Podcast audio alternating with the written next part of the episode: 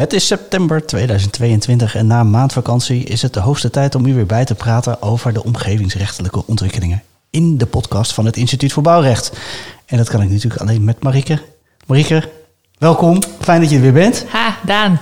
Er is een hoop gebeurd op het gebied van stikstof de afgelopen tijd, volgens mij. Ja, dat zal nog wel even zo blijven. Maar weer uh, interessante uitspraken deze keer. Nou, de boel uh, staat op zijn kop met uh, luchtwassers en interne salderingsuitspraken. Die ga je allemaal bespreken. Ja, en wat bestemmingsplanuitspraken. Dus blijf luisteren. Oké, okay, aangeschoven ook Fleur. Hi Fleur. Goeiedag Daan. wat heb jij allemaal meegenomen? Ik heb een uitspraak meegenomen over een intrekkingsverzoek van een omgevingsvergunning. En dit keer niet in verband met stikstof of iets dergelijks, maar dit gaat om het nevelarrest.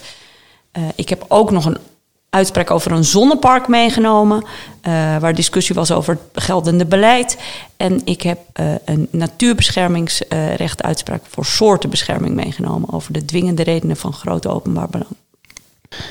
Hartstikke mooi. Nou, als er dan nog tijd over is, dan zal ik uh, in de uitspraak uh, duiken die naar aanleiding van de conclusie van de AG is gewezen over de delegatie van de omgevingsplanbevoegdheid en wat bestemmingsplan jurisprudentie onder meer over de toetsing aan het evidentiecriterium en de permanente bewoning van een bedrijfswoning.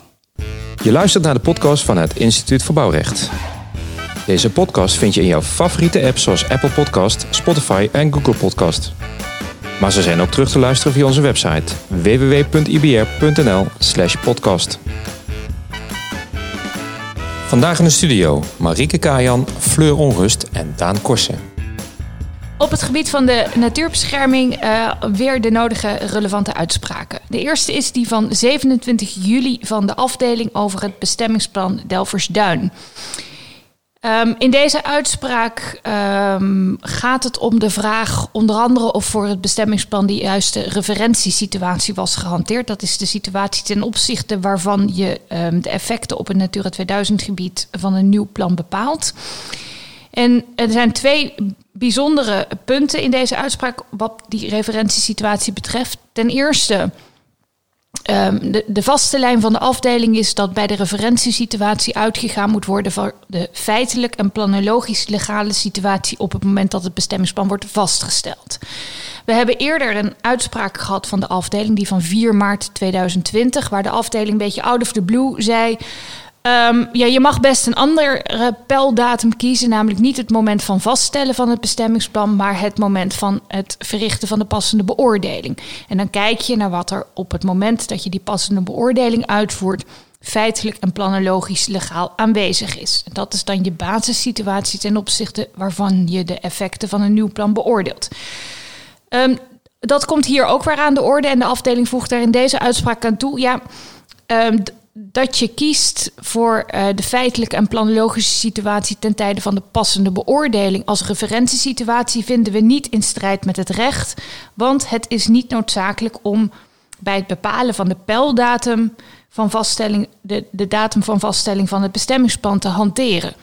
En ja, nog steeds, net zoals in die eerdere, eerdere uitspraak, ligt de afdeling toe waarom dat niet noodzakelijk is. Het is. Ik vind het nog steeds heel raar, omdat voor alle andere onderzoeken en voor elke besluit wat je neemt en ook voor een vergunning die je verleent, moet je uitgaan van de situatie op het moment van vergunningverlening, de feiten en de omstandigheden die je op dat moment kent.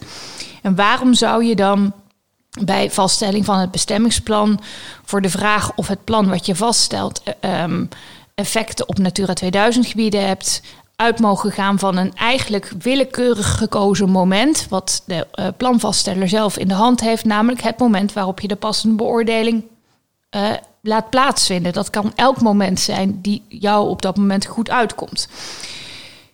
Um, dus nou ja, het zou mooi zijn als de afdeling nog eens een keer en dan uitlegt waarom voor dit onderzoek je mag uitgaan van een andere datum dan het moment van het vaststellen van het bestemmingsplan.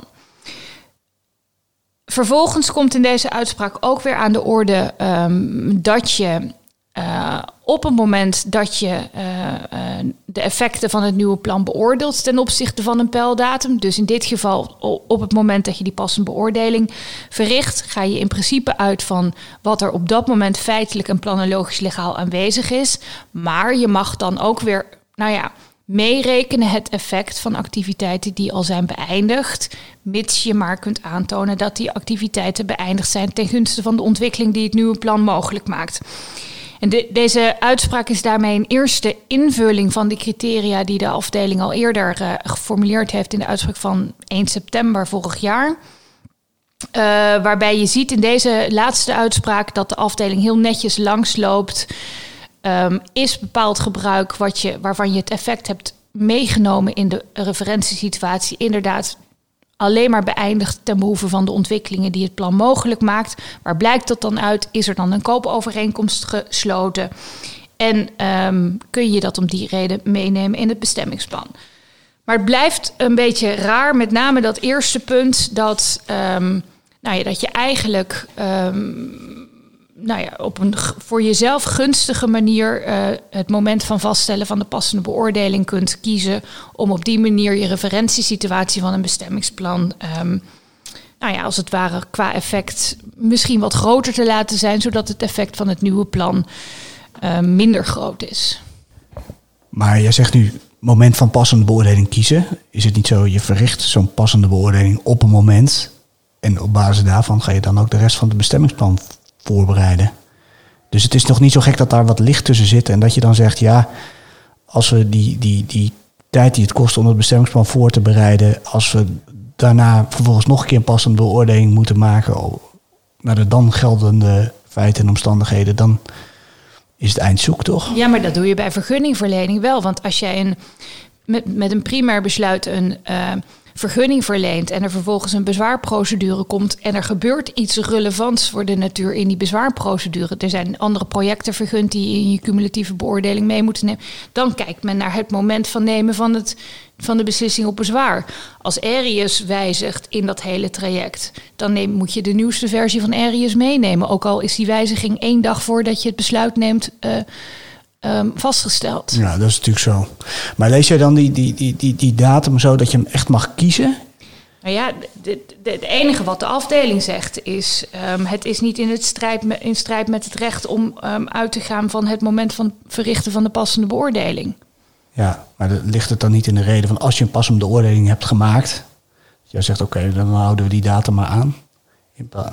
Ja, maar het gekke is dat, dat hier was de passende beoordeling Um, of in die uitspraak van 4 maart, hier weet ik het niet, maar in die uitspraak van die 4 maart was een bestemmingsplan wat in 2020 was vastgesteld, uit mijn hoofd gezegd, en een passende beoordeling van anderhalf jaar daarvoor. Ja, daar zit. En, en, en dat was een, een, een gebouw wat inmiddels was gesloopt, want daar gaat dan de discussie over. En er was, er ja. was iets.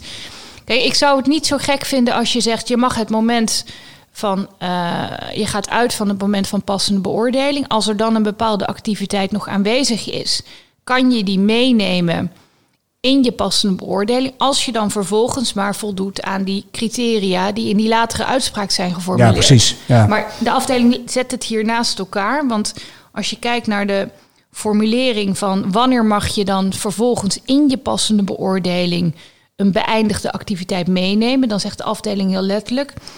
Um, het is niet, in beginsel niet aanvaardbaar om in die passende beoordeling activiteiten mee te nemen in de referentiesituatie die al zijn geëindigd voor de gehanteerde pijldatum. En tenzij je voldoet aan die voorwaarden. Uh, en in, in de overweging daarvoor zegt de afdeling: je mag als pijldatum de passende beoordeling. Ja, precies. Dus dat, dat zijn betekent, twee verschillende dingen. Het zijn twee verschillende dingen. Je hebt Um, een, een, activiteit die beëindigd is, vervolgens in, in tijd bezien een passende beoordeling en daarna vaststelling van bestemmingsplan. En dat vind ik gek, want, want ik zou het nou ja, wat ik zei, ik zou het verklaarbaar vinden dat als je zegt ik neem activiteiten mee in de passende beoordeling, mits, en het is niet erg dat die activiteiten dan beëindigd zijn op het moment dat het bestemmingsplan wordt vastgesteld, mits ik dan maar aan, nou, kan aantonen dat die beëindiging ook plaats heeft gevonden ten gunste van deze ontwikkeling. Dat, dan, is het, dan maakt het, ja, dan vind ik het ook reëel, dat dan maakt het moment van passende beoordeling niet meer uit. Ja, dat klinkt wel logisch, ja. Maar goed, dat, dat laat de uitspraak dus nog niet heel duidelijk zien, dus wellicht. Uh, komt dat nog op een ander moment. Um, de volgende uitspraak is die van 20 juli. Van, ook weer van de afdeling. Gaat over een bestemmingsplan Giethoorn Loswal Kerkweg. Dat bestemmingsplan um, maakte eigenlijk uh, twee ontwikkelingen mogelijk. De in intensivering van het gebruik van een laten- en loswal voor het zogeheten mechanisch laden en lossen, uiteraard. En een functiewijziging van een molen. En de, functiewijziging zou, uh, hield in dat een woonfunctie naar een kantoorfunctie zou worden omgezet. En in de uitspraak uh, komt aan de orde of nou het uh, positieve effect van maatregelen die bij die molen worden getroffen, namelijk um, um, het verminderen van de emissies uit de molen omdat de cv-ketel wordt verwijderd, of je dat positieve effect in de vorm van stikstofdepositie nou kan wegstrepen tegen de toename van stikstofdepositie door die uitbreiding van die later niet loswal in de vorm van intern salderen. Want dan zeg je het plan maakt aan de ene kant een toename van stikstofdepositie op Natura 2000 gebieden mogelijk en aan de andere kant een afname. En de afdeling zegt, nou ja, dat uh, kan als je de uh, maatregelen bij de molen dus de beëindiging van het gebruik van de ketel um, als mitigerende maatregel kunt beschouwen um, in het kader van de uitbreidingsmogelijkheden van de laat- en de loswal.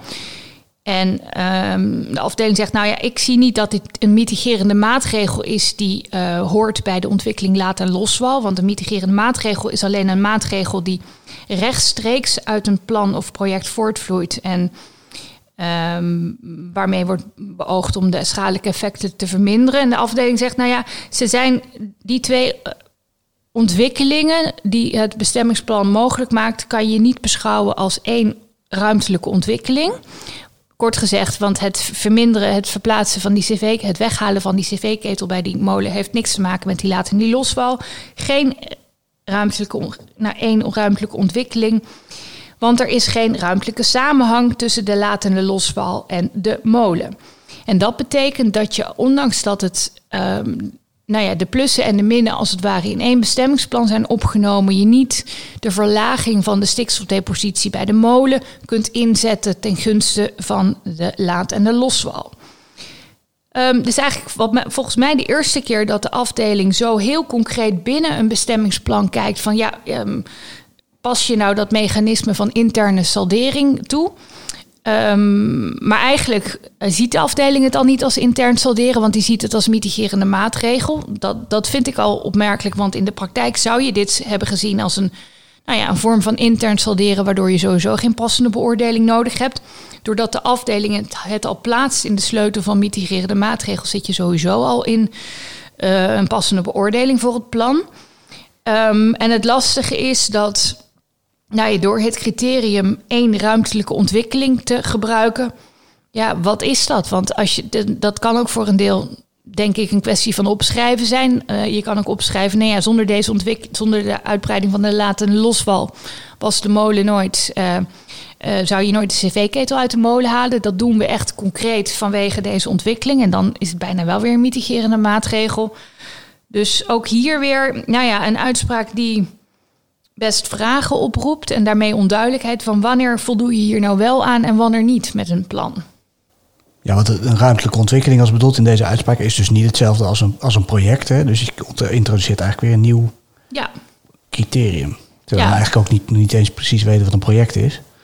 Nee, nee maar dat is, ja, dat is feitelijk onlosmakelijk met elkaar samenhangende activiteiten. Ja, dat is hier dus niet het geval. Maar er moet wel een zekere samenhang zijn, want het moet wel één ruimtelijke ontwikkeling zijn. Ja, maar het gekke is als je, als je het als project zou beoordelen, als twee.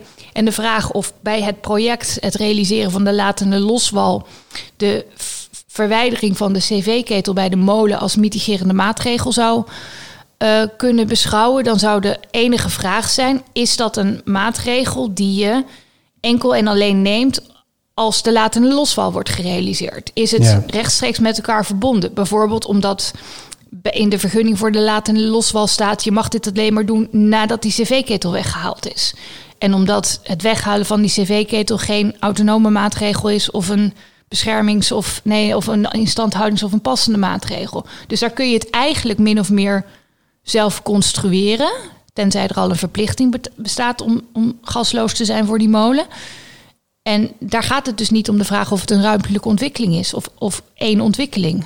Nee, precies. Dus dat zijn, is een nieuw begrip. Ja. ja. En dat zorgt natuurlijk weer voor de nodige onduidelijkheid. Ja, en, en misschien is het ook wel een. Maar dat is, ja, dat, je kan natuurlijk nooit achter de, ehm, achter de uitspraak langs lezen en bekijken kijken wat er bedoeld is. Kijk, het kan natuurlijk ook zijn dat dit een beetje de opmaat is, zat ik nog te denken, naar omgevingsplannen. Die straks voor de hele gemeente gaan gelden. En dat de afdeling denkt, ja, we kunnen het niet. Het kan toch niet zo zijn dat als je straks voor de hele gemeente Amsterdam één omgevingsplan vaststelt en je in Amsterdam Noord een maatregel treft waarmee de stikstofdepositie wordt verlaagd en je vervolgens in de Belmer iets nieuws gaat bouwen en je tegen elkaar wegstreept, dan is het goed. En dat ligt zo gruwelijk ver uit elkaar dat je denkt ja, dat, dat je dat niet één op één tegen elkaar kunt wegstrepen. Misschien is dat een beetje de ontwikkeling die kant op, dat erachter zit. Maar goed, het blijft. Uh, ja, het zou mooi zijn als het, het uh, wat duidelijker was. Ja, het zou natuurlijk mooi zijn als de afdeling dan zo'n nieuw, als dit zo'n nieuw begrip wordt geïntroduceerd, ook even uitlegt wat je moet doen om te onderbouwen dat daar sprake van Ja, is. Maar dat zeker. wordt dan in het midden gelaten. Ja, dat zou fijn zijn. Nou, misschien dat dat eh, moet een volgende uit. Geeft wel de kans voor ons, Daan, om het. eh, Ja, kunnen wij het nog even over Even- stikstof hebben? Nou ja, en dan kunnen we het zelf gaan invullen, het begrip. Ehm, ik ga door met de volgende, die van 17 augustus over het ehm, windpark eh, IJsselwind. Natuurvergunning voor drie windturbines. ehm, waarbij los van een inhoudelijke discussie over de vraag of alle effecten goed zijn beoordeeld. ehm, even kort de vraag aan de orde komt of het nou één of twee projecten zijn. Ehm, en hij past, en dat is geen kritiek op uitspraak van de afdeling, maar hij past wel een beetje in lijn met de vorige twee uitspraken. Ja, opvallend is, het gaat om een windpark wat bestaat uit drie windturbines, waarvan er twee ehm, door één initiatiefnemer worden geplaatst, namelijk IJsselwind, en de ander door eh, het waterschap. En eh, in eh, de procedure wordt aangevoerd door appellanten: ja, dit is niet één project, maar het zijn twee losse pro- projecten. Je kunt niet de vergunning verlenen aan twee rechtspersonen voor het geheel. Je had twee losse vergunningen moeten verlenen. Ehm, nou, daarvan zegt. ehm, en opvallend is dat de twee, één- twee windturbines worden aan de noordzijde van het Twentekanaal geplaatst en de andere aan de zuidzijde van het kanaal. En hier zegt de afdeling, ehm, ja, een, een aanvraag voor een WNB-vergunning moet betrekking hebben op alle activiteiten die samen één project vo- vormen. Nee, dat weten we al. In dit geval vormen de drie windturbines één project. Punt. Maar ze merken dus niet zo op over die, dat dat kanaal ertussen zit en, en waarom Nee. dan. Nee, nee, nee. Dus, dus vandaar dat ik zeg, hij gaat een beetje in de lijn door. Ehm, dit is één project. Ja, ehm, geen idee. Want er wordt niet toegelicht, is dit feitelijk onlosmakelijk met elkaar verbonden? Komt het park alleen als alle drie de turbines te komen? Eh, wat doet het voor het projectbegrip dat het verschillende initiatiefnemers zijn? Dat er ruimte tussen zit met het kanaal? Geen idee. Dus, ehm, nou ja, goed. Dat, eh, dat hebben we dan. En vervolgens wat wel handig is voor de praktijk, want die vraag zie je wel meer. Als het dan één project is ehm, met verschillende initiatiefnemers, want bij wind komt dat natuurlijk vaak voor. Een lijn die bestaat voor het ene deel door de ander, ene exploitant en de andere deel van het park wordt door de andere exploitant eh, gerealiseerd. Hoe doe je dat dan met de vergunning? Moet je dan een soort van eigen, eh, nou ja, eh, vennootschap overkoepelende entiteit oprichten die als het ware de vergunninghouder wordt van de WNB-vergunning met allerlei overeenkomsten, uitvoeringsovereenkomsten ertussen, zodat nou ja, ehm, je go- goed genoeg tussen de verschillende exploitanten verdeeld hebt wie verantwoordelijk is voor welk deel. Vanuit de gedachte dat, dat je niet aan twee vennootschappen eh, één natuurvergunning kunt verlenen. Nou, de afdeling stapt daar heel makkelijk overheen. En die zegt: ehm, je kan best eh, die vergunning dan verlenen aan twee vennootschappen. Ehm, en dat betekent dat ze samen verantwoordelijk zijn voor het geheel. Dus als IJsselwind zijn deel niet nakomt, dan kan ook het waterschap daarvoor worden aangesproken. Ehm, dat was de uitspraak van IJsselwind. Oh, en daar het op nog één punt in die uitspraak die ik toch ook nog even wilde noemen. Er ontstond een discussie ehm, over de vraag of nou voldoende eh, verzekerd was dat tijdens de bouwfase de maximale stikstofdepositie niet zou worden overschreden. omdat, ehm, onder andere omdat in de vergunning niet was vastgelegd dat nou ja, welke mobiele werktuigen er werden gebruikt, welke transportmiddelen, hoe duur die eh, of hoe lang die ehm, eh, apparatuur werd ingezet. Verkeersroutes waren niet vastgelegd. En dat zie je wel meer van hoe verzeker je nou, uh, wat moet je vastleggen in een natuurvergunning. Zon, nou ja, en dan wil een exploitant wil natuurlijk altijd wel enige flexibiliteit. Want als er precies staat, je mag maar maximaal zoveel maanden bouwen en je moet altijd over weg A rijden. Ja, wat doe je dan als weg, weg A is afgesloten? En daarvan zegt de afdeling. Um, een gebruikelijke en reëel te verwachten uitvoeringswijze hoeft niet te worden voorgeschreven in de vergunning. Um, dus je hoeft um, ook niet uh, precies het materieel vastleggen. Uh, vast te leggen in de vergunning. Um, nou ja, daar, dat is dus je ondergrens als het ware. En je hebt altijd, want dat blijkt ook uit die uitspraak, nou ja, de RIS-berekeningen worden wel gekoppeld aan de vergunning. Dus de maximale stikstofdepositie is op die manier wel geborgd. En dan als laatste natuurlijk de uitspraken van 7 september over de emissiearme stalsystemen en de vraag of die wel um, voldoende emissiereducerend werken. Um, ja, daar kan je eigenlijk kort over zijn, denk ik. Want um, die uitspraken hebben al zoveel pers gekregen. Um, we, die systemen doen namelijk niet wat ze beloven te doen. En je ziet in de uitspraak terug, en ik denk eigenlijk meer, ja, hoe, hoe kan je. Uh, hoe kan de afdeling ook anders? De afdeling um, laat zien op basis van onderzoeken van een aantal instanties, een CBS-rapport stikstofverlies uit opgeslagen mest en een advies van de Commissie Deskundige Meststoffenwet dat uh, er allerlei argumenten zijn om eraan te twijfelen dat het, emissiereducerende vermogen van deze stalsystemen voor de melkveehouderij wel zo is als waarmee we rekenen in het kader van de, de, de RAFCO. Dus zeg maar de. Um, en dat is natuurlijk ook uh, voor natuurvergunningen van belang. Want als uh, die stalsystemen minder uh, stikstof, um, nou ja, zuiveren als het ware, dan stoot zo'n um, stal meer stikstof uit dan waar we van uitgaan. En dan is de depositie op een Natura 2000 gebied hoger dan waar je van uitgaat bij vergunningverlening. En wat je ziet is um, dat de afdeling beide rapporten uh, nou ja, tot in detail langs loopt. Uh, waarbij het eerste rapport, het CBS-rapport, zegt: uh, ja, er is um, bij dit soort stalsystemen sprake van verlies aan stikstof. Dus stikstof wat we niet meer terugvinden, wat we niet kunnen verklaren. En op alle ba basis van allerlei onderzoeken doet, ontstaat dat vermoeden, wordt geconcludeerd in dat rapport dat de veronderstelde effectiviteit van de emissiearme huisvesting wordt overschat. Kortom, ze reduceren minder dan verwacht mag worden. Nou, vervolgens is het CDM gevraagd om um, uh, nog eens te kijken naar dat CBS-rapport. En uh, ook het CDM zegt: um, ja, het is. Um, de conclusie is dat de emissies en dus het reducerende vermogen van stalsystemen uh, herzien moet worden. Dat er nader onderzoek nodig is. En uh, het CDM heeft dan een hele lijst met acties opgesteld om um, te komen tot een betere analyse van de effectiviteit van emissiearme stallen.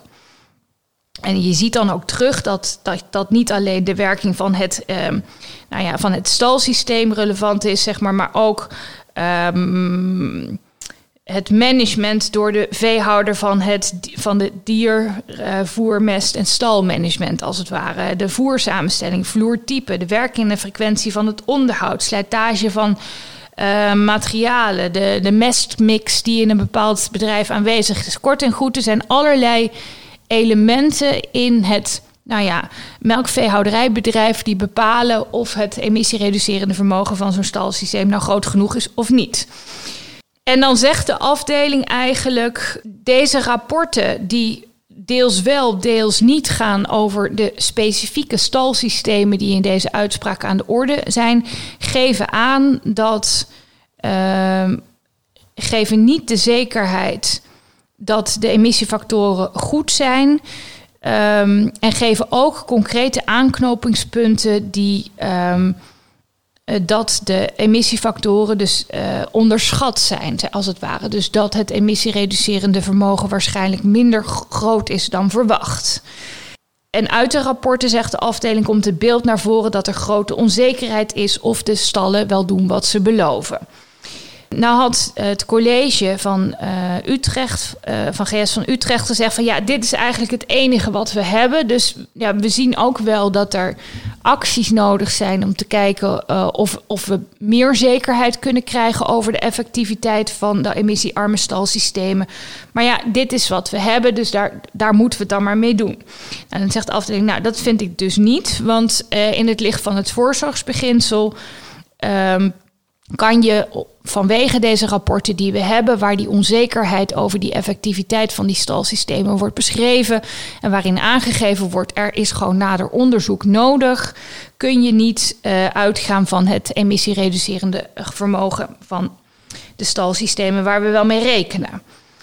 Eén ehm, puntje van winst voor um, het college in deze uitspraak. En daarom wordt, uh, ondanks dat uiteindelijk de afdeling um, de uitspraak van de rechtbank Midden-Nederland uh, in stand laat, wordt het beroep van het college wel gegrond verklaard.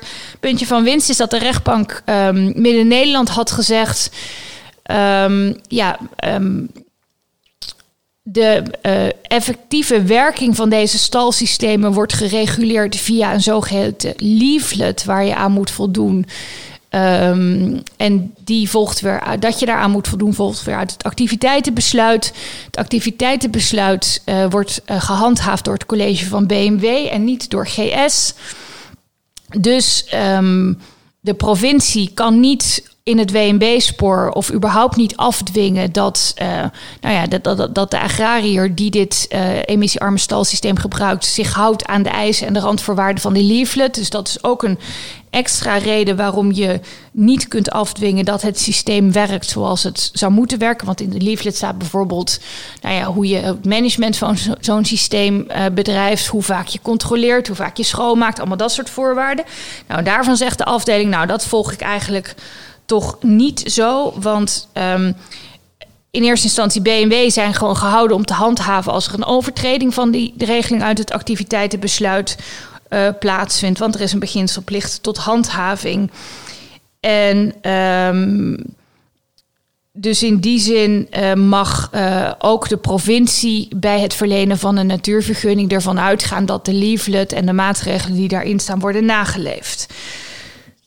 Maar toch kort en goed, omdat er vervolgens ook met naleving van die leaflet nog steeds niet voldoende zekerheid bestaat over het reducerende vermogen van het emissiearme stalsysteem en aangegeven wordt in die rapporten dat er um, nader onderzoek nodig is naar alle andere relevante factoren binnen zo'n agrarisch bedrijf die bepalen of dat stalsysteem nou wel of niet goed functioneert, zegt de afdeling mag je het voorlopig niet uh, toepassen, die RAF-emissiefactor voor dit stalsysteem. En daarmee um, verwijst de afdeling de zaak dus terug. Um, en wordt heel duidelijk in het persbericht gezegd: nou ja, de minister van LNV moet nu nader onderzoek doen naar de werking van die stalsystemen. Omdat dat was al aangekondigd, dat gingen ze ook doen. Maar goed, de druk komt daar natuurlijk nu wat hoger op te liggen. Omdat nu al die emissiearme stalsystemen niet mogen. Of nou ja, dat je de, discussie hebt over de werking daarvan. Opvallend is dat. Um, um, de afdeling het hierbij laat. En um, we hebben eerder in deze podcast een uitspraak van de rechtbank Oost-Brabant van april vorig jaar, nee, van april van dit jaar besproken. Waarin uh, de rechtbank een aantal handvatten geeft van nou als je nou die onzekerheid van die stalsystemen uh, laat voor wat het is, want die is er inderdaad. We weten gewoon voor een aantal stalsystemen niet zeker of ze doen wat ze moeten doen dan zou je dat kunnen oplossen door een, een setje nou ja, controlevoorschriften aan de natuurvergunning te kunnen aan te verbinden, waarmee je kunt laten zien, nou ja, als je daar op die manier kun je garanderen dat het emissiereducerende vermogen is waarvan je uitgaat. Of hier kun je dat controleren. Daar zegt de afdeling in deze uitspraak niet veel over, maar ik zou aanbevelen dat als je een stalsysteem hebt dat hierop lijkt. En als je een tijdelijke oplossing wilt totdat dat onderzoek van LNV is uitgevoerd, is te kijken naar die uitspraak van april van dit jaar. Om te kijken van nou, wat kan er dan nog wel.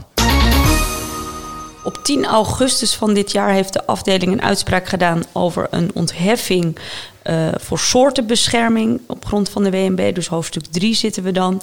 Uh, en die ontheffing werd verleend om de westelijke ontsluitingsweg in Amersfoort aan te kunnen leggen. En ter discussie stond de vraag of de aanleg van die weg een zogenaamde dwingende reden van groot openbaar belang was, zodat ontheffing op grond van artikel 3.5 van de WNB voor strikt beschermde soorten, dus soorten die op grond van onder meer de habitatrichtlijn uh, beschermd zijn, verleend kon worden. En het korte antwoord is ja. Daar is sprake van. De rechtbank oordeelde eerder ook al uh, dat dit een dwingende redenen uh, betreft. En de afdeling gaat mee in dat oordeel. Uh, de stichting Woonklimaat Bergen en anderen, die hadden gezegd: ja, het aanleggen van die westelijke ontsluitingsweg is ter verbetering van de doorstroming van het verkeer helemaal niet nodig. En die weg zal er ook helemaal niet komen, want het verkeersmodel uh, op grond waarvan die, weg ont, die, die westelijke ontsluitingsweg noodzakelijk wordt gehad, die bevat allemaal fouten. En daardoor lijkt de doorstroomsnelheid op de bestaande weg op grond van de prognoses veel lager dan die in werkelijkheid is. En het bestemmingsplan uh, dat die ontsluitingsweg mogelijk maakt, moet worden herzien. En om al die redenen betreft dit geen dwingende redenen, want die weg is helemaal niet nodig. Nou, daarin wordt niet meegegaan. Uh, omdat deze uitspraken over het algemeen schaars zijn, uh, wilde ik deze toch even onder de aandacht brengen. Op 11 juli van dit jaar heeft de rechtbank Oost-Brabant zich uitgelaten over de afwijzing van een verzoek om intrekking van een omgevingsvergunning uh, die eerder verleend was voor een windpark. En dat verzoek was gedaan in verband met het Nevelenarrest, het nevelenarrest van het Hof van Justitie van 25 juni 2020. De rechtbank oordeelt dat weliswaar de algemene regels voor windturbines in het activiteitenbesluit, uh, voor zover van toepassing op wind, uh, windmolenparken, uh, wegens strijd met het Unierecht buiten toepassing moeten worden gelaten, maar dat daaruit nog niet volgt dat de omgevingsvergunning zoals verleend ook in strijd is met het Unierecht. En daar toe overweegt de rechtbank als volgt. De rechtbank zegt uh, de windturbinebepalingen die moeten uh, wegens strijd met het Unierecht inderdaad buiten toepassing worden gelaten, maar daaruit volgt niet dat die omgevingsvergunning met het Unierecht in strijd is. Want de omgevingsvergunning is geen plan of programma in de zin van de SMB-richtlijn. En de SMB-richtlijn verplicht dus niet tot het opstellen van een milieubeoordeling voorafgaand aan het verlenen van de omgevingsvergunning. Die omgevingsvergunning valt wel onder de rijkwijde van de MER-richtlijn. En dan moet bij de verlening van de omgevingsvergunning weliswaar worden voldaan aan de verplichtingen die voortvloeien uit de MER-richtlijn. Uh, maar de omgevingsvergunning is daarmee niet in strijd met het Unierecht. Uh, de rechtbank overweegt nog wel even. Het voorgaande neemt niet weg dat er bij de verlening van de omgevingsvergunning vanuit is gegaan dat de vergunninghoudster zich bij de bouw en het in gebruik nemen en houden van het windturbinepark uh, aan die uh, rechtstreeks werkende windturbinebepaling uit het activiteitenbesluit zal houden. En vergunninghoudster mag niet in strijd handelen met die bepalingen. Maar sinds het nevelenarrest is het maar de vraag of die bepalingen door middel van handhaving kunnen worden afgedwongen. En uh, die winterbepalingen moeten buiten toepassing worden gelaten. Maar dat laat onverlet, zegt de rechtbank, dat je op grond van het Unierecht het college ertoe kan verplichten dit rechtsvacuum op te lossen door de omgevingsvergunning verplicht in te trekken. En daardoor komt de rechtbank tot de conclusie dat terecht uh, niet tot intrekking is overgegaan. Ja, en inmiddels per 1 juli van dit jaar geldt natuurlijk de tijdelijke overbruggingsregeling voor windparken die al voor het nevelenarrest een, uh, kort gezegd, een vergunning hadden gekregen. En met die tijdelijke overbruggingsregeling, die volgens mij tot 1 juli 2025 geldt, is eigenlijk het, nou ja, het van rechtswegen vervallen van de normen uit het activiteitenbesluit voor windparken. Dus geluid, slagschaduw, externe veiligheid en lichtschittering. Is als het ware weer gecorrigeerd. Dus voor, maar dan tijdelijk, of vanuit de gedachte dat op 1 juli 2025 het planmer voor het activiteitenbesluit of voor welke regeling dan ook, um, uh, als we die hebben onder de omgevingswet, hersteld is. En dat we dan volledig voldoen aan het nevelenarrest. Ja, maar we hoeven dus niet bang te zijn nu voor een, voor een stormvloed aan intrekkingsverzoeken. Althans, die slagen niet, blijkt nu uit deze uitspraak. Op 11 juli van dit jaar heeft de rechtbank Limburg zich uitgelaten over een omgevingsvergunning verleend voor een zonnepark. Aangevoerd was dat de vergunning geweigerd had moeten worden omdat die in strijd met het beleid was. Er werden verschillende beleidsstukken van verschillende overheden uh, hiertoe naar voren gebracht in deze procedure. En daarvan werd gezegd dat uh, die plannen allemaal, uh, die plannen voor dit zonnepark in strijd waren met dat beleid, omdat in dat beleid een voorkeur voor het plaatsen van zonnepanelen op daken volgde. Dan gaat de rechtbank in op dat beleid en zegt dat beleid bevat weliswaar een voorkeursvolgorde, maar dat betekent niet dat een zonnepark op landbouwgronden in strijd is met dat beleid, want dat beleid zegt helemaal niets over een zonnepark dat een zonnepark niet op landbouwgronden mag worden gerealiseerd. Dus daarmee kan geen strijd met dat beleid worden aangetoond. En daarmee kon dus inderdaad uh, geen weigeringsgrond voor deze omgevingsvergunning worden gevonden. Kortom, terecht verleend. Op 6 september uh, van dit jaar bracht de afdeling naar buiten dat er een conclusie is gevraagd aan advocaat-generaal Wattel in twee zaken over de vraag uh, hoe het overtrederbegrip moet worden uitgelegd. De vraag is gesteld of er licht zit tussen de invulling van het begrip overtreder in het bestuursrecht en het begrip functioneel daderschap in het strafrecht. En als dat zo is, dan is de vraag meteen gesteld aan de advocaat-generaal of daar een goede reden voor is. En mocht die er niet of onvoldoende zijn, dan moet worden bekeken of er meer rechtseenheid kan worden bereikt. We wachten dus uh, met smart op, uh, op die uitspraak, want ik denk dat het uh, interessant is om te zien wat er uitkomt. Ik, ik durf wel alvast een voorschot te geven dat er inderdaad licht zit tussen de invulling van die beide begrippen, volgens mij. Uh, en daarmee uh, wordt interessant hoe, uh, wat het voorstel wordt van de advocaat-generaal, staatsraadadvocaat-generaal, om dit op te lossen. Ik trap hem af met de uitspraak die is gewezen, waarin de conclusie van advocaat-generaal Nijmeijer is betrokken, die wij eerder hebben besproken in de podcast. En die gaat over de delegatie van de omgevingsplanbevoegdheid. Um, en de afdeling die uh, past de lijn toe, of die zegt in hoeverre die lijn moet worden gevolgd, die de advocaat-generaal heeft aangebracht. En dan gaat het in de eerste plaats uh, over de vraag of die delegatiebesluiten moeten worden gepubliceerd. Ja, zegt de afdeling, dat had uh, moeten gebeuren. Dat heeft de gemeente Boekel in dit geval niet gedaan. En dus uh, is officieel de, bij de toepassing van die delegatiebevoegdheid sprake van een bevoegdheidsgebrek geweest. Maar dat wordt direct gepasseerd op, met toepassing van artikel 622 van de Algemene Wet Bestuursrecht. omdat er geen belanghebbenden zijn benadeeld. En dan volgt eigenlijk het, naar mijn mening, meer interessante deel van de uitspraak. En dat gaat over de inhoudelijke beoordeling. Hoe moet zo'n delegatiebesluit er nou uitzien? En welke grenzen kan je daaraan stellen? Dat gebeurt in rechtsoverweging, 13, rechtsoverweging 13 en daarin zegt de afdeling in de eerste plaats... ja, die delegatiebevoegdheid uh, mag niet ten koste gaan van het primaat van de vaststelling van de planregeling... want die rust bij de gemeenteraad en niet bij het college. Um, en daarin volgt zij de conclusie van de afdeling of van de advocaat-generaal. Um, en dat betekent dat een, die delegatiebevoegdheid van het college begrensd moet worden, beperkt moet worden een objectieve begrenzing. Ook dat heeft de advocaat-generaal gezegd. Maar daar uh, houdt het dan wel mee op. De advocaat-generaal heeft namelijk ook nog zich gebogen over de vraag.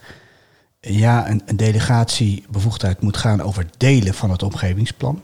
En wat zijn die delen dan? De advocaat-generaal maakt onderscheid tussen een geografische rijkwijde en een inhoudelijke begrenzing. Geografisch zou dan betekenen dat het tot delen van het grondgebied van de gemeente moet gaan. Maar daarvan zegt de advocaat-generaal, ja, dat is toch een, staat een beetje haaks op dat primaat. Want ook als je voor een geografisch deel van de grondgebied een volledige planregeling vast kan stellen, dan staat dat wel een beetje haaks op die primaat van de regelgeving die de gemeenteraad heeft.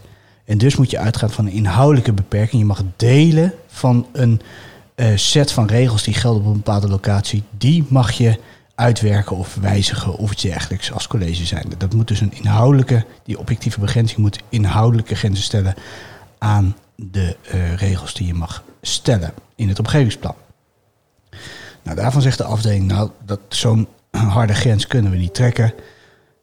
Eh, zo'n harde grens kunnen we niet trekken. Of er um, sprake is van objectieve begrenzing, hangt af van de omstandigheden van het geval. Nou, dat is natuurlijk de juridische toverformule waar we verder niet zoveel mee kunnen. Maar er zal dus uh, in het licht van het rechtszekerheidsbeginsel en dat primaat van de um, regelgeving bij de gemeenteraad zal moeten worden bezien of die delegatiebevoegdheid in concreet geval goed genoeg begrensd is. Dan tot slot uh, uh, zegt de afdeling, die begrenzing, die objectieve begrenzing, mag ook plaatsvinden in beleidsregels van de gemeenteraad. Dat hoeft niet per se te gebeuren in het uh, delegatiebesluit zelf. En ook het college kan beleidsregels vaststellen, maar die moeten dan gaan over de toepassing van die delegatiebevoegdheid. Dus duidelijke lijnen, zij het dat de toepassing daarvan nog wel weer enige ruimte openlaat. En dat die lijnen ook afwijken uh, in, van wat de advocaat-generaal erover heeft opgemerkt. Dus uh, een, een lezenswaardige uitspraak voor degene die met deze materie aan het werk gaan de komende periode.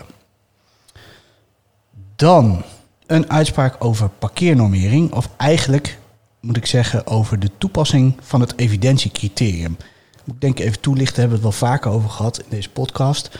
Het evidentiecriterium dat speelt bij exceptieve toetsing van een algemeen verbindend voorschrift bij een bestemmingsplan. En dat houdt dus in dat in een uitvoeringsbesluit, zoals een omgevingsvergunning voor het bouwen, de onderliggende regeling wordt aangevochten. Het bewijs van exceptie wordt gevraagd om die regeling te toetsen of die wel verbindend is, ja of nee. In dit geval gaat het om het aanvechten van een omgevingsvergunning voor het bouwen, waarin degene, de, gek genoeg de vergunninghouder, ik zal zo even toelichten waarom dat is, de vergunninghouder aanvoert dat de bestemmingsplanregeling die aan die vergunning ten grondslag ligt, onverbindend is en dus niet had mogen worden toegepast.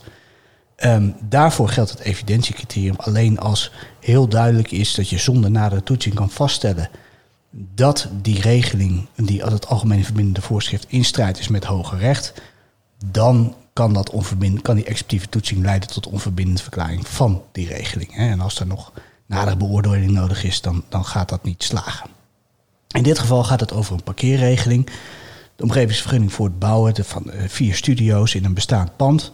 Daaraan heeft de gemeente en, of het college van burgemeester en wethouders hebben daar aan de voorwaarden verbonden dat er parkeergelegenheid wordt aangelegd. En die appellant die komt er tegenop, die vergunninghouder komt er tegenop. En zegt dat voorschrift had er helemaal niet mogen zijn. Want die parkeerregeling is onverbindend. Um, en dat slaagt ten tijde van het indienen van een vergunningaanvraag gold uh, een oud bestemmingsplan voorschrift. Waarin stond, ja, je moet voorzien in voldoende parkeergelegenheid. Nou, dat is vaste jurisprudentie van de afdeling bestuursrechtspraak. Dat een dergelijke regeling in strijd is met het rechtszekerheidsbeginsel, dat je die niet kan vaststellen. En um, daarvan zegt de afdeling, ja, dat is dus evident, dat is een vaste lijn. Deze regeling, parkeerregeling, is evident onjuist. En daarom had hij niet mogen worden toegepast. Volgde nog een staartje. Na de aanvraag was er nog een, paraplu-bestemmingsplan vastgesteld waarin een goede parkeerregeling was opgenomen. Maar, en dat is ook vaste jurisprudentie van de afdeling, je moet de bouwplan toetsen aan het bestemmingsplan dat gold op het moment dat de aanvraag werd ingediend. En dat was dus het oude bestemmingsplan met de verkeerde regeling. En dus slaagt uh, het beroep en wordt die voorwaarde uit de vergunning vernietigd. En dat betekent dus dat hij nu helemaal geen parkeerplaatsen ja. hoeft aan te leggen. Gek genoeg, ja. Ga ik over naar een uitspraak uh, over het, uh, de planregeling in verhouding tot de rechtszekerheidsbeginsel. In dit geval gaat het om een planregeling voor een horecafunctie met, met sportvelden en teambuildingsactiviteiten. En um, nou, daar kunnen feesten worden gehouden binnen en buiten en dergelijke uitspraak is op zich al levenswaardig, omdat daar een, ja, een akoestisch onderzoek wordt getoetst. En nou, dat, dat, ja, welke aspecten daar aan de orde komen en, en hoe die worden besproken, dat, dat is op zichzelf al, al heel inzichtelijk, uh, denk ik. Maar waar ik even op wil richten is uiteindelijk hoe de planregeling is vormgegeven in het licht van het akoestisch onderzoek. Er is sprake van één groot bouwvlak, hè, dus eh, met, met één grote gebruiksmogelijkheid voor horeca. En dat betekent dus dat die eh, binnen dat bouwvlak eh, overal bijvoorbeeld feesten met eh, muziek kunnen worden gehouden. En dan is de vraag, ja, regel je dat dan? Hè? Wat, hoe verhoudt zich dat tot de geluidsbelasting van eh, de omliggende woningen in dit geval? Nou, daar heeft een planregel voor eh, opgenomen. Ehm, daarin staat dat eh, het gebruik alleen is toegestaan op locaties binnen het bouwvlak. Ik citeer hem even. Waar door middel van een akoestisch onderzoek is aangetoond dat aan de richtwaarden van de VNG en het activiteitenbesluit milieubeheer wordt voldaan. Nou, dan kan je überhaupt afvragen, wat is de richtwaarde van de VNG en het activiteitenbesluit milieubeheer precies? Uh, maar goed, uh, daar kom je misschien nog wel uit met een beetje uh, goed lezen. Maar de vraag is meer, ja, hoe toets je dat? En wat betekent dat voor de activiteiten waar die mogen plaatsvinden? Hoe kan je nou op basis van die planregeling achterhalen waar je bijvoorbeeld een podium mag bouwen met een, met een beentje erop? Dat blijkt er niet uit, zegt de afdeling. Dan moet je allerlei uh, ingewikkelde akoestische onderzoeken gaan raadplegen waar je, waar je dat misschien wel uit kan afleiden. Dat is in strijd met de rechtszekerheid. Dus je moet A, duidelijk maken hoe die gebruiksmogelijkheden zich dan... Hè, misschien moet je toch wat in meer detail uitwerken wat waar kan...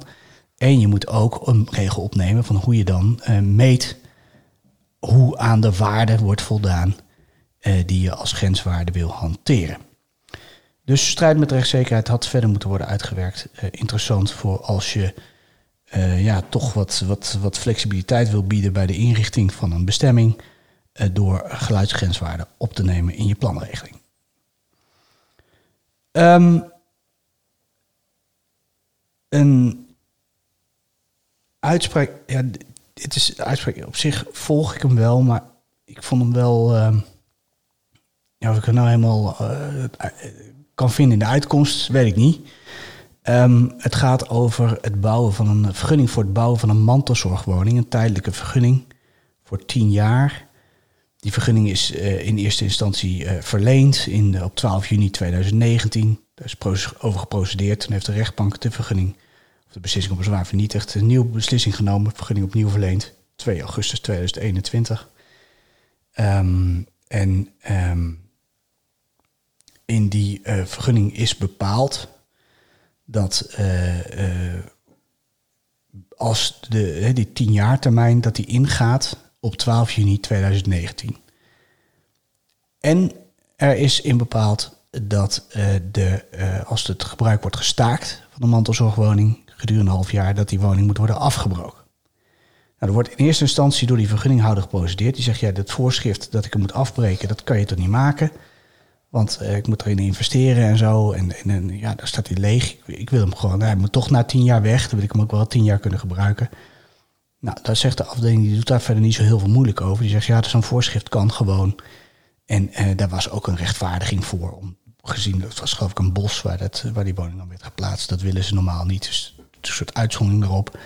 En dat rechtvaardigde dan dat die woning weer zo snel mogelijk weg moest als die niet meer werd gebruikt. Nou, dat zover uh, volg ik hem wel. Maar die Appeland had ook gezegd. Ja, uh, ik heb nou een, een nieuwe vergunning gekregen op 2 augustus 2021. Ik wil dat die 10 jaar termijn 2021 ingaat. Uh, want ja, ik heb het nog niet gebouwd. En daarvan zegt de afdeling, nou, dat gaan we niet doen. Dat hoeft helemaal niet. Tien jaar gaat gewoon vanaf 2019. En de motivering daarvan is, ja, je hebt zelf gewacht met bouwen. Je had dat gewoon kunnen doen. Dus ja, dan had je maar eerder moeten beginnen. Maar dat is natuurlijk wel een beetje tricky. Want als je die, uh, van woning bouwen, kan ik me voorstellen, dat kost toch behoorlijk veel geld. Dan wil je eerst wel zeker weten dat die ook een tijd kan blijven staan. En dus het is heel gebruikelijk dat je pas gaat bouwen en vaak ook pas financiering krijgt voor de bouwen als je omgevingsvergunning onherroepelijk is. Dus het, ik, het klopt allemaal wel. Je kan natuurlijk bouwen, de vergunning is in werking. Ja, maar getreden. dat doe je natuurlijk inderdaad niet. Nee, nee. dus ik, ik, denk dan ja, het is wel een beetje. Maar dan had je moeten vragen om een termijn van tien jaar na onherroepelijk worden van de vergunning of zoiets. Of... Ja, precies. Ja. Maar goed, hoe je die termijn precies invult, dat, dat zou inderdaad een goede optie kunnen zijn. Maar eh, de afdeling die maakt er wel heel erg eh, strak korte metten mee. Dan ehm, ja, sluit ik af met, een met een handhavingszaakje. Dat gaat over permanente bewoning van een bedrijfswoning. Ehm, er is een hele voorgeschiedenis bij.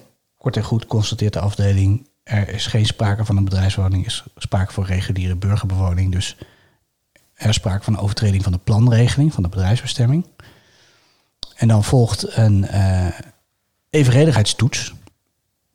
waarin de afdeling zegt... ja, oké, eh, je moet nog wel de belangen van de bewoners in aanmerking nemen. Ehm, het is een, eh, hier woont een, meneer met, eh, met nog eh, jonge kinderen. Ja, hoe zit het daarmee? Hè, die moet dan, eh, je gaat dan handhaven, dan moet hij zijn huis uit. En eh, is dat allemaal wel eh, evenredig? Wat, wat, moet die meneer dan doen? Dan moet je wel je belangenafweging betrekken. En omdat dat niet is gebeurd, wordt de last onder dwangsom vernietigd. nou, ik, ik denk dat het een rechtvaardige uitkomst is. Maar dat, eh, ja, deze problematiek komt nog wel eens eh, voor. Die permanente eh, bewoning of burgerbewoning van een bedrijfswoning. Ja, bijvoorbeeld als iemand daar al zijn hele leven heeft gewoond, een bedrijf heeft gehad, met bedrijf verkoopt en daar ze op hoge leeftijd nog graag wil blijven wonen, kom je tegen, loop je tegen dezelfde problematiek aan.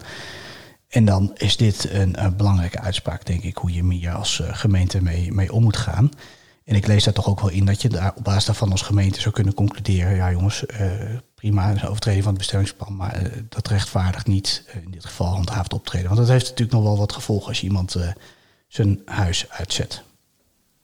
Ja, dat zou dan misschien eerder een eh, planregel rechtvaardigen. Dat je zegt dat als deze personen eh, de bewoning staken, dat, dan, eh, er, zeg maar, dat je dan echt persoonsgebonden overgangsrecht alleen maar opneemt.